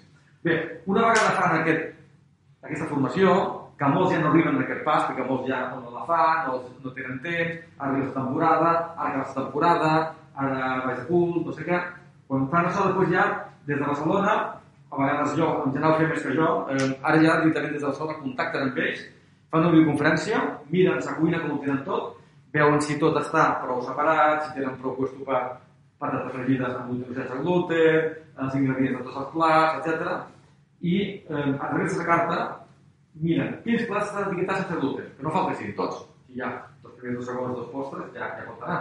Però plats que estiguin etiquetats per ells sense gluten, miram fins al darrer ingredient de cada plat. La que deia ella. O sigui, si aquest plat té 20 ingredients, 20 ingredients que d'estar correctament etiquetats. I si un no el pot demostrar, aquest plat pot tenir gluten. Nosaltres hem entrat a restaurants a veure com ho tenia i a vegades ho tenien superbé, però a vegades restaurants que s'anunciaven sense gluten fan por. A vegades. I tu ho has vist, no? Hem, hem, estat alguna cuita. Hem estat d'un que encara... Hòstia, jo que no puc tornar. I n'hi ha que no és que sigui només per gluten, a vegades és de brut. A vegades és de brut, sigui... Però mm, també bueno, hem d'anar positiu, hem d'ajudar que... acreditar i, i, no, i no estan acreditats i ho fan molt bé. Sí. Però els que fan molt bé ho tenen molt fàcil d'acreditar. Molt tranquil, la menjaria allà i no estan acreditats. Però en aquest cas, si tenen el recolzament d'associació darrere, és una segona eh, opinió, que, que el recolza més que la família. Sí. I el que és acreditació és gratuït, o sigui, la, la formació sí que han de ser socis i fer la formació, però si poden convalidar perquè es pugui fer un curs de nacions, i poden convalidar. I l'acreditació és gratuïta. I jo penso que no hauria de ser gratuïta, perquè fan perdre molt de temps molts restaurants, que després, ai, ara no, ara no vacances, ara no sé quantos, i fan perdre molt de temps a la gent de Barcelona que fa, té moltíssima feina. Jo crec que hauríem de, de deixar un depòsit i quan s'acrediten tothom dis. Perquè hem començat a acreditar molt de puestos després, no hem de el temps i bueno, no, ho han deixat i al final no, no ho fan. Eh, a Punta Prima tenim eh, la remuntada, que avui anem a sopar, qui vulgui venir anem a sopar allà. Eh, taula reservada, que si no. què? Que tenim taula reservada. Sí, sí, sí. sí, Ah, va. sí. I la I, bueno, sé si teniu qualque dubte. A Barcelona hi ha molts més que aquí. Quan estan acreditats surten a la llista de la web, surten els rics a la web de parcel·liats per, per cercar restaurants i hi ha dues promocions anuals que poden enviar informació doncs, per, per divulgació. Aquí jo el que trobo més a faltar, més que restaurants, que bueno, n'hi ha, qualcun, no? I qualcun que s'interessa, és poder anar a fer un cafè i una pasta qualque Sí, vegada. de matí, sí. No Berenar, pots així. No pots anar al món, on vas a fer un cafè? A casa. proposat fer un espai sense buit i com era allò. Espai oferta, espai.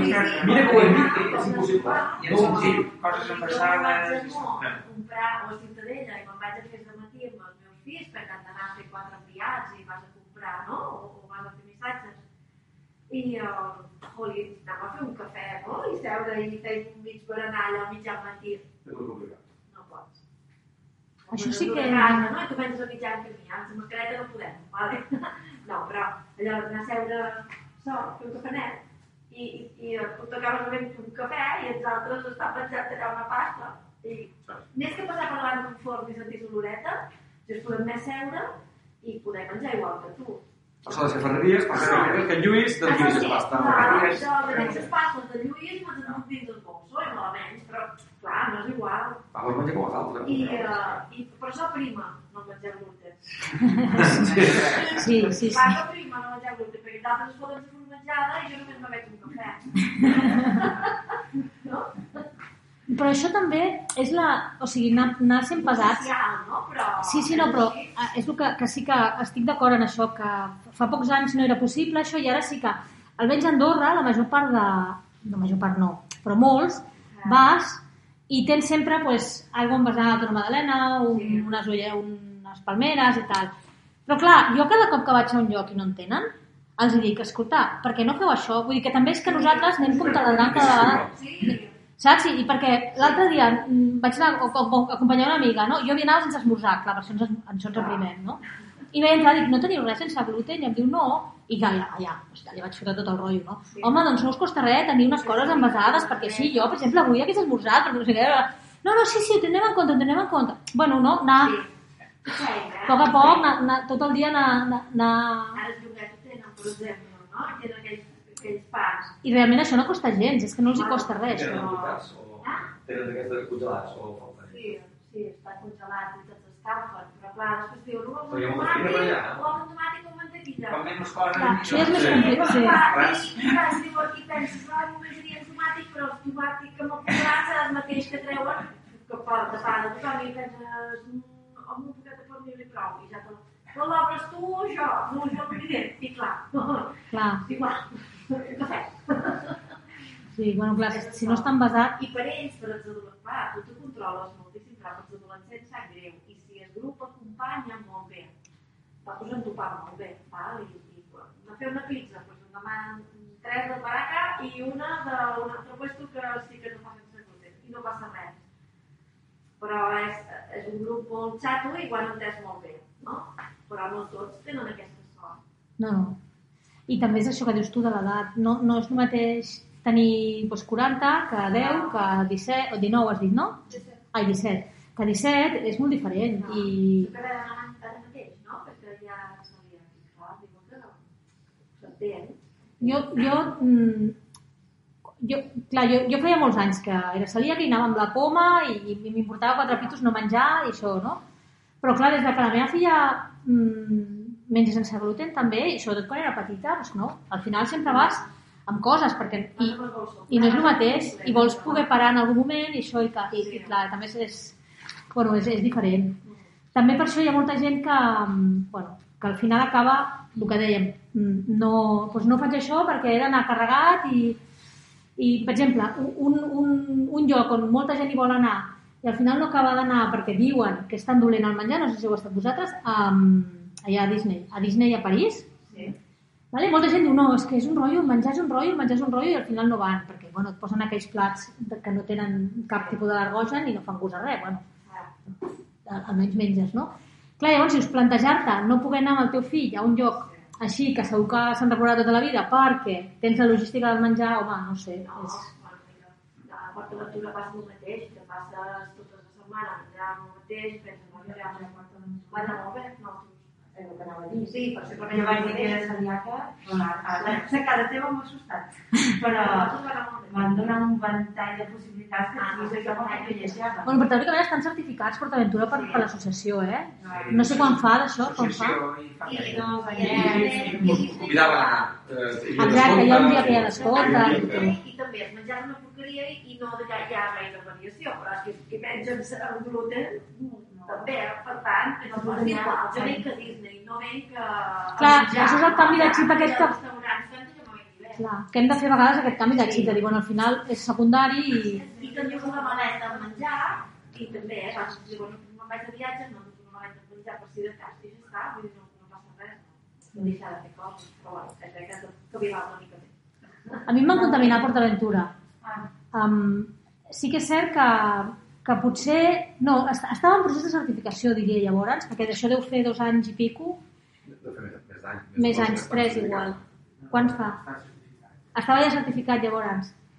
No hem parlat, perquè aquí no, no he entrat a parlar, no? però encara que els restaurants estiguin certificats i es controlin els processos i es controlin els protocols, sempre hi ha errors humans i sempre ens podem equivocar. I en el meu cas va ser un error de, del cap de sala, no? que em va donar un, un bizcocho que deia ell que era sense gluten i, resulta que era vegà. Que és el que jo li vaig dir, dic, pues sort que he vingut jo, que m'he enterat, perquè tots els que han vingut abans que jo els he escolat aquest bizcocho i se l'han menjat tan ricamente, no? Perquè nunca había pasado, ¿no? Que és, és la frase que sempre diuen, no, pues no, sempre venen celíacs i mai han dit res. Bueno, dic, que hagin vingut celíacs i mai hagin dit res no és garantia de que tu ho estiguis fent bé, no?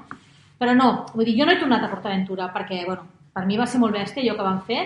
No he tornat, suposo que algun dia tornaré perquè la meva filla que ara m'he m'he llibrat amb això del Covid, clar, que hem estat un any viu que no podíem sortir, però ara tor- i PortAventura, perquè abans sempre anàvem per Nadal a PortAventura, a més és que era com tradicional, anàvem el dia 23 i 24 a PortAventura, després ja anàvem a dinar a casa dels meus pares, i ara fa, doncs, que 3 anys que no anem, no?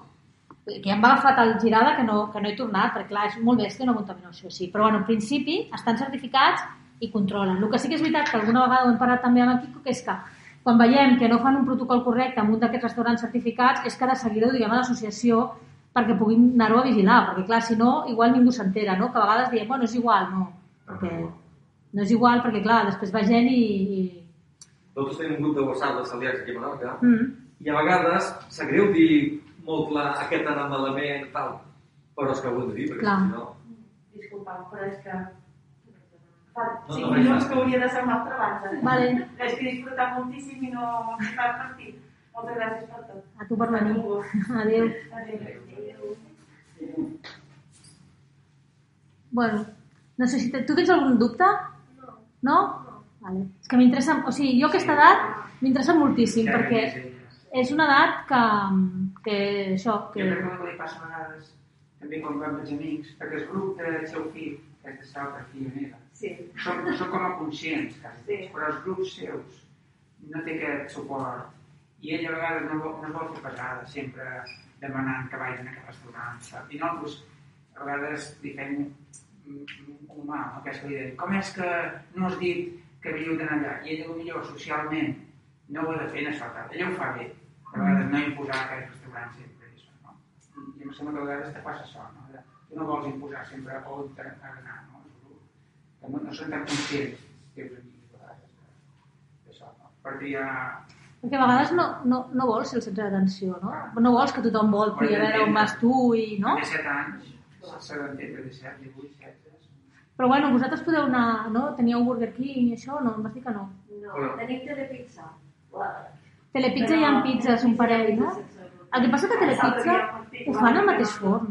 Eh, telepizza no ho sé. Jo el que el burger a molt no fem bé. Sí, ja ho has dit. Jo, jo m'ho vaig contaminar més d'una vegada i vaig anar a ser amb ells i tal, i el formatge que el al mateix tocaven tot. Però diuen que és sense dubte.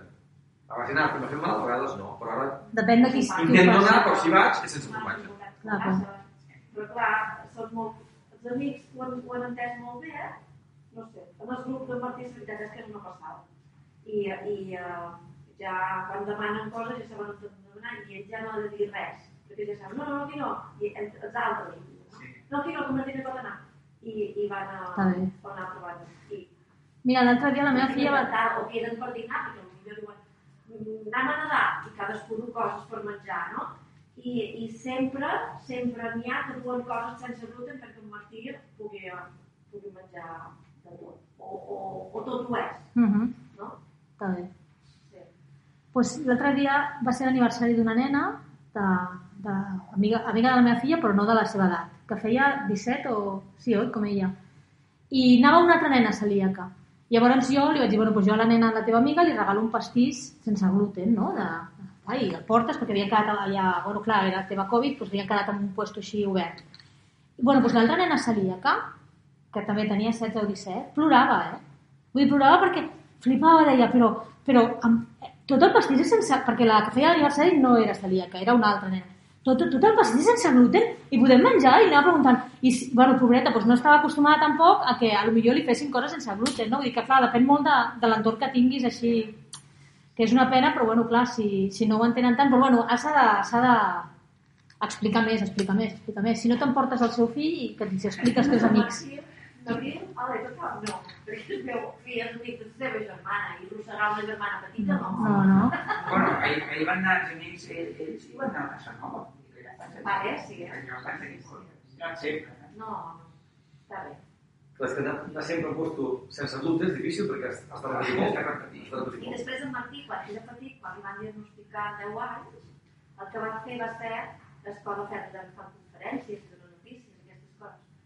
I um, com que li havien fet aquella broma de vida, que té convertits i tu no, i aquestes coses, i, uh, i va fer una conferència sobre la celiaquia. Mm. La va preparar i va explicar les conseqüències de menjar gluten, quines eren. No només era mal de panxa, sinó que a la llarga podia tenir, i clar, quan va començar a tenir malalties, aquestes coses, i vam quedar tots tan espantats, tan espantats que, que el van que el cuidaven. Martí, estàs bé? Necessita... Fins i tot exagerat, no? Però a partir d'aquell moment, mai més, li van fer una broma al revés. Si qualcun quedaven per dinar ja o convidaven eh, els, els tiets mateixos, li deien a, a ses mares, no? I me telefonaven, és que el m'ha dit que, escolta, dic que fem bé que de menjar, però eren els tiets mateixos que ho explicaven. I va funcionar molt bé. Vull dir que quan són petitons, Mm. que ells mateixos ho puguin explicar a escola en els companys, molt bé. està molt bé. Perquè arriba, a arriba molt bé, arriba molt millor que no, Sí, sí. que no que siguis el raro, no? De tu no pots menjar això, sinó ara us explicaré què, no? El Martí ha d'anar a la casa dels pares d'aquesta noia. És que? El Martí ha d'anar a la casa dels pares d'aquesta noia. Vinga, sí. sí. Et sobres. Que tenen nens de segona sobres. Jo, meu pare, al principi de, de, de quan li vaig explicar que era Martí de Salia, li vaig dir, no, no, no, és que, clar, el primer mes que sembla que tens un laboratori, després t'adaptes, però, i, però quan jo li explicava, me va arribar a dir que era una, que pareix una taliban, me va dir. I dic, vale, va, vaig agafar tot el totxo que va passar en, en, en final de, de l'associació, te lo lees. I per tant, tinc ganes de començar una discussió, llegiteu tu, i quan tu acabis de llegir, com que estarem en igualtat de condicions, en podrem parlar. Després me va demanar disculpes i em vam adaptar tots. Però, d'entrada, me va dir, això, exagerada, no? Però, és un taliban, me va no, ara tan malament, i ja vaig dir, vale, fins aquí. No, no parlaré més, ja diré. Però, clar, no tothom té capacitat d'entendre el que està, el que és tot suquet. De... Mm. Molta gent no? Segons, segons qui no ho entén o no, directament no s'ho llegirà. Vull dir, també hi ha aquella de capacitat de voler entendre. Sí. Clar, quan, quan ja baraten en xips ja està. Hi ha una part més científica i una més d'anècdot. O sigui, no una d'anècdotes, però que explica històries precisament per poder dir-li, mira, mira, a la- a l'altra gent. Hi ha com dos Aquí parts. Bueno, vam fer aquella just l'any passat i ells van fer una presentació el primer mes de feina i després es van faltar tot superbé perquè no duen coses de salut, tenen una també, feina. eh? També, tothom I està. el que vaig dur jo no te va fer mal. Exacte. No, Molt bé. No, jo també, la feina me passa també. I quan anem a sopar, sempre hi ha un que fa la broma, i feim, uh, quan fa molta estona no anem a ni a dinar ni res, però quan es posen, vinga, quin tipus de menú volem? I baix de tot posa, menú per ser tiquis-miquis. Se tiquis-miquis és una manera de dir-ho molt simpàtica, Va. Sí, crec que ja pot caure malament, però jo ho puc fer com ho sé. I diu, menú per ser tiquis-miquis, i ja me posen els menús de. Sí, mira, hem de fer. Bueno, I també... així ho malament, eh? Eh, Eh, Sí, això és el que parlàvem. L'humor és, una- és una de les coses que ens ajuda, també. Jo també m'ho prenc bastant, i a mi també la gent fan bromes, però tu has d'aprendre així, perquè, és clar si no, qualsevol cosa... Aquí és el que dèiem, que ens hem quedat en una etapa que no hem superat de, de, la nostra acceptació de la malaltia, no? Perquè... I, clar, si veieu celíacs, no?, a l'associació i així, doncs, en veus, veus persones que veus que no, que no ho porten bé i tu els intentes, no?, dir, aviam, fes alguna cosa, tal, però és complicat. O, o inclús parelles, que tu deies sobre la família, no? Doncs parelles de celíacs o de celíaques que no, que veus que ho porten fatal, que, que, que, que no, o mares o pares, eh? Vull dir, quan el celíac és el nen i que, clar, s'ha de treballar. Per això jo deia que per mi ha d'haver un seguiment de, del metge, de, del metge que diagnostica, d'haver un seguiment, i si veu que hi ha altres problemes, doncs derivar-li, però almenys durant un o dos anys hauria d'haver-hi aquest seguiment. Que... Jo trobo que aquí pens, però els qui, es, els qui ho diagnostiquen pediatres molt bé, i quan tens adults depèn molt del metge de família que hi hagi. Ja- Mira, és que el problema és la formació també dels metges de família. Sí, sí que és veritat que hi ha uns protocols molt clars, ara, vull dir que, que s'ha fet un esforç per fer uns protocols perquè els metges diagnostiquin bé, però que no, no crec que arribin ben bé als metges de família. Ara fa dues setmanes jo parlava amb la meva metgessa de família i, i, li, i li explicava, no?, de no sé què, del meu historial i tal, i li vaig dir, no, sí, sí, perquè biòpsies a mi i tal, qual, i em deia, però què són colonoscòpies, el que et fan a tu? És a dir, no sabia com es diagnostica un celíac, saps? I jo li vaig dir, no, no, colonoscòpies no, o tal. I vaig sortir allà pensant, jolín, clar, vull dir, si aquí a ella li ve un, un, un que pugui ser celíac, no sé jo si l'enviarà a puesto, perquè clar, si no sabia, de fet li aniré a portar un llibre ara quan torni, perquè almenys que, saps? És, no sé, si, si diagnostica algú, doncs, tot això que guanyarem, no? Però clar, som com molt generalistes, llavors clar, hi ha coses que no... que és un problema també, perquè hi ha molta gent que no passa del metge de capçalera i està molts anys. La, la, em sembla que la mitjana de diagnòstic són 7 anys. Clar, és I acabaré anant per privat o una cosa així. no? I ara que el meu fill ha passat a metge de família, ja no entén pediatre, li vaig dir, bueno, el mentit seria, bueno, això ho diràs tu. No, no, perquè això ho poses historial, mira, ets. Bueno, aquí surt, es, es veu que és codi de facilitat de gluten o el codi que tenen allà, que no sé quin codi és, és igual per tothom. Ah, sí? Sí. I et dic, no, no, dic, seria segur, diagnosticat, són espases i a més a més, cada any té visita de pediatre d'hospital, no, no, de, no de centre de salut de primària. Uh, bueno, bé, molt bé de mirar. No, no ho has de mirar, ets segur. També potser es troben en que hi ha molta gent que va i diu és que em senta malament el gluten. Sí, Llavors, igual això s'han- posat també una mica més estrictes de dir que siguis... Sí. Seria, no ho sé, eh? Dic, Però bueno, aquella insistència de fer jo com deia, dic, no, no, ho és, bueno, tens el traspàs, no?, de, de, de l'historial i aquestes coses i, uah, Mm. va fer un poc... curiós. Però bueno, és el mateix que no m'ho vol jo. Ja està en I tot ara cas, que també. un celíac i que veus que és celíac, m'ho pots mirar jo. Tot i que hi ha... Però, Se-. Sembla que sí que han trobat famílies en què un pot ser celíac i un altre pot ser sensible al gluten. Això sembla que, sembla que ho estan trobant, però bueno, tot i així, que no et facin una... Ja, ja, ja, per això, bueno, però per l'altre que ha explicat, vull dir, jo t'acabaria de fer les proves, clar. Vull dir, no em quedaria amb això, ja està. Però bueno, I tota la història aquesta que surt del neurogluten, que també hi ha. És que qualsevol malaltia autoimmune, clar, com afecta, bueno, moltes afecten a molts òrgans, afecten a, a tot el cos, pues poden, poden afectar.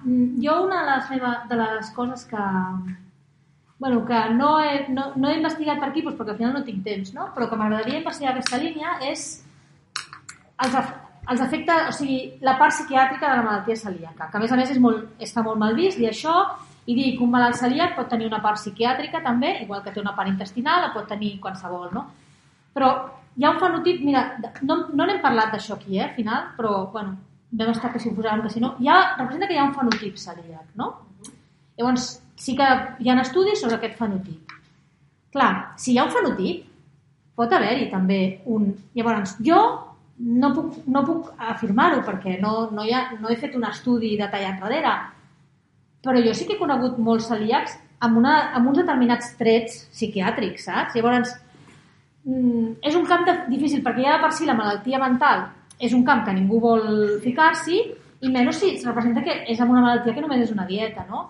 Però per mi sí que hi ha una part psiquiàtrica o psicològica molt important, eh, d'això. Ja sí, és que es diagnostiquen amb aquests canvis d'humor, gent a depressiva... Clar. No, no, clar, és que molts celíacs tenen depressió associada, però bueno, és el mateix, com moltes malalties hauríem de mirar si la depressió ve a causa de, de la malaltia o la malaltia provoca la depressió. Clar, és, per això, per això ho deia, que amb autoimmunes la depressió està molt present sempre i clar, és, és això. Però és com algo que no es vol, no es vol parlar d'aquest tema, no? Hi ha molt poca gent que estigui. Ara sí que hi ha algú que ha fet estudis a Saragossa i tal, però pe- bueno, també penso que en pocs anys s'investigarà més, però és una assignatura pendent, jo crec, tot el tema psicològic i, i psiquiàtric d'aquesta malaltia, perquè en altres sí que està clar, saps? En, en altres malalties autoimmunes està clar, però aquí... Dubtes i el diabetis, Parkinson, superclar, molts diuen no. Perquè està mal vist, està mal vist, és que no sé, sembla com que...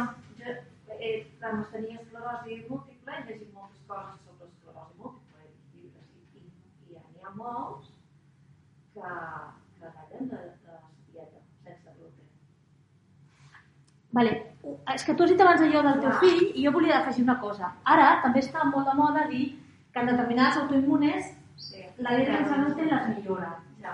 Clar, el que no se sap és si realment millora l'autoimmune, l'altra, Mm -hmm. o hi ha una malaltia celíaca darrere sí. que millorar, la, al deixar el gluten i millorar aquesta malaltia, millora l'altra, també perquè baixa el nivell d'inflamació de, de l'organisme.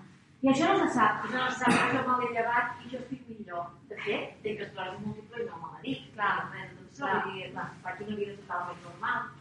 No, aparentment, ningú sap que tinc esclerosi múltiple, perquè hi ha molta gent que està molt confusa. Sí, Potser pot ser un cop de sort, pot ser perquè havia de ser, o pot ser perquè m'he cuidat molt, o mil coses, no? Però uh, jo trobo que una part sí que, sí que ve de. Mm. Jo, jo sí, estic amb això també, de, de, per exemple, l'hipotiroidisme, ara hi ha bastanta moda, no? De gent que té hipotiroidisme, treure-li el gluten i millora l'hipotiroidisme. Jo penso que hi ha gent que li han de buscar millor, si són celíacs. No treure-li el gluten i ja està, Sí. sinó buscar millor abans de treure el gluten si, són, si poden ser celíacs, que, que podria ser això. I amb altres malalties. Bueno, després hi ha, hi ha, hi ha altres, com per exemple, sí que és veritat que l'altre dia ho parlàvem amb síndrome de Down o, o, o nens que, que són Autisme. autistes. Sí. Vale, però per exemple, la, la, la malaltia celíaca està molt lliga. O sigui, hi ha moltes, moltes persones amb síndrome de Down celíacs. Sí. Doncs tornem a estar en el mateix, saps? Vull dir, és el gluten o és que potser darrere hi ha una malaltia celíaca? No ho sé, és, és que complicat. potser tens una malaltia que el que te miren de per tot te descobreixen que ets celíac, perquè hi ha un tant per cent tantíssim elevat de persones que són celíaques i no ho saben. Clar, que pareix això, l'1% aquest ha de sortir d'alguna Si banda, tots no? us fessin cosa de vegades... Però quan troben que és celíac, s'aturen de cercar i no troben altres malalties. Clar, i pensa que és, és molt complicat que vagi sola, eh, la celiaquia. És, és, és, bueno, bueno si, si, si t'han diagnosticat molt jove i t'han agafat a temps, potser sí, però és, normalment, sobretot si té anys d'evolució, és complicat que vagi sola, perquè va sempre associada amb altres coses, doncs perquè, clar, el sistema immune ja està com loco allí, saps? Clar, per exemple, en el teu cas, com explicaves, que tu en sec et vas començar a trobar malament. Sí. Doncs en el teu cas pot ser que només sigui celíac, però si això ho arrossegues 15 o 20 anys o... Doncs, a saber com és temps, no? Llavors sí que és veritat que troben una i es paren, però potser Trobaria no sé això, en gent... tres mesos estaré diagnosticat. Clar, doncs, realment tu vas tenir sort que em van diagnosticar superràpid, no? Però si Però no vaig insistir molt, eh? Vas insistir. M'ha m'ha enviat que més un parell de vegades al metge. És que... Però hi ha gent que està anys i, bueno, ja dic, sempre la mitjana eren 7 anys de diagnòstic, que és, és brutal. En adults, eh? No, amb nens no. Amb adults és brutal. És. I a, ahir, a tu quan et van diagnosticar fa quan? Ah, dos anys. Ah, als dos anys, quina sort. Sí, fa molt anys. També, també hi ha anècdota que li van dir nosaltres en el metge que podia ser celíac, que el metge no. Però vam estar